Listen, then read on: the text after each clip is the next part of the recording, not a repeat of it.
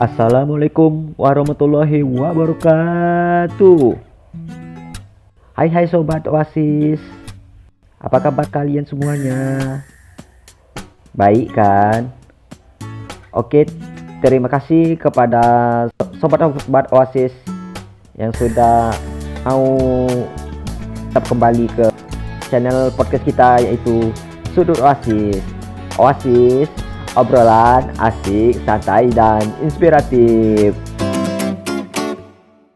Baiklah, kalian tahu gak tanggal 5 Juni tahun 2020 kemarin hari apa? Apaan tuh? Oke, tanggal 5 Juni tahun 2020 kemarin itu Hari Lingkungan Hidup Sedunia di mana seluruh dunia merayakannya loh. Oke, pada episode kali ini Sudut Oasis akan membicarakan topik tentang serba-serbi dari Hari Lingkungan Hidup Sedunia.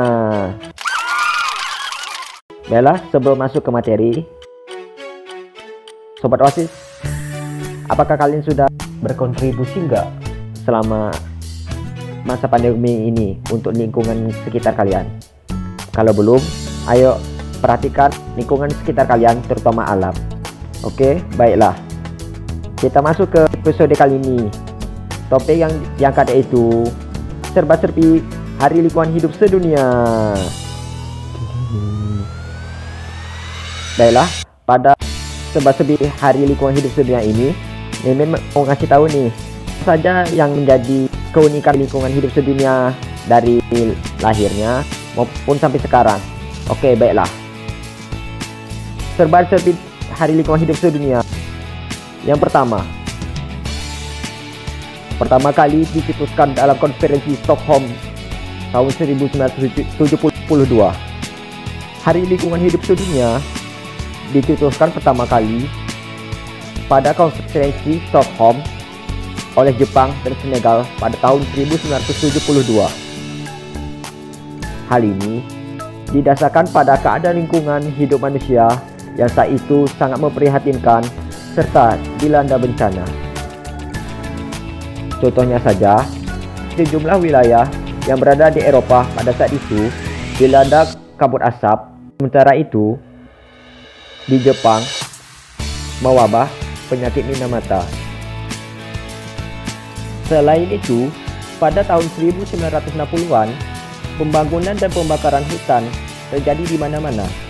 Limbah industri yang tidak dikelola dengan baik dan berbagai persoalan lainnya yang membawa dampak terhadap lingkungan. Yang kedua, tema yang diangkat pada tahun 2020 ini adalah Time for Nature.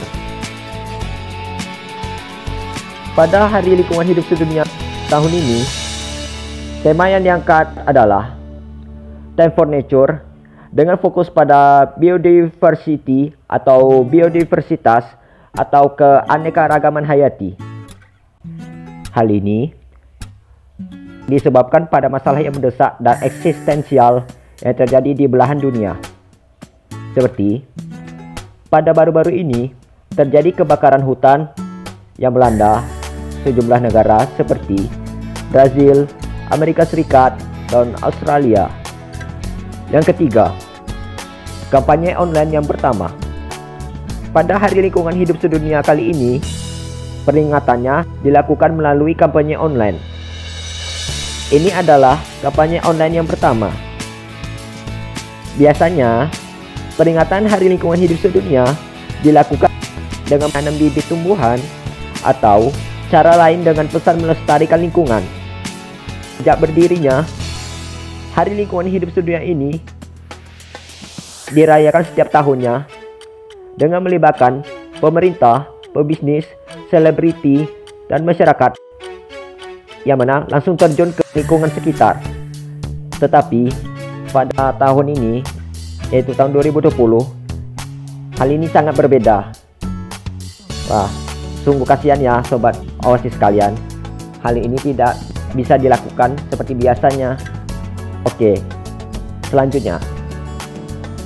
Yang keempat, Kolombia ditunjuk sebagai tuan rumah. Pada tahun 2020 ini, Kolombia dipilih oleh UNEP, United Nations Environment Programme, yaitu suatu program pelestarian lingkungan PBB. Kolombia terpilih sebagai tuan rumah karena telah berhasil menjadi negara megadiversity dunia yang menampung hampir 10% keanekaragaman hayati di planet ini dalam kemitraannya dengan Jerman. Sudah bisa dibayangkan kan, Kolombia memiliki keanekaragaman hayati sebesar kita juga loh, yaitu negara kita tercinta yaitu Indonesia. Oke, sekian topik kita kali ini. Mimin berpesan, kita bisa menyebutkan bahwa hari lingkungan hidup sedunia kali ini sangat berbeda dibandingkan pada tahun-tahun sebelumnya. Di mana hari lingkungan hidup sedunia ini hanya dapat kita lakukannya melalui secara daring untuk aksi maupun kampanyenya. Yuk, mulai sekarang jaga ke keanekaragaman hayati karena keberadaan makhluk hidup sangat penting bagi ekosistem serta menjaga rantai makanan agar dapat terus terjaga. Selain itu, kita dapat menggunakan barang-barang bekas agar dapat digunakan untuk membuat suatu barang yang memiliki nilai guna dan bernilai ekonomis agar kita dapat mengurangi sampah di lingkungan sekitar kita sehingga tercipta lingkungan yang ramah dan asri. Terima kasih Sobat Asis yang sudah setia mendengarkan podcast kita tercinta ini. Jangan lupa dengarkan podcast kita ini di akun medsos kita yaitu Instagram at oasis.20 Spotify atau Anchor.fm atau Google Podcast yaitu Sudut Oasis maupun akun channel YouTube Anjas Rizky Wipisono. Sampai jumpa pada episode berikutnya di hari Kamis depan selanjutnya ya. See you. Wassalamualaikum warahmatullahi wabarakatuh.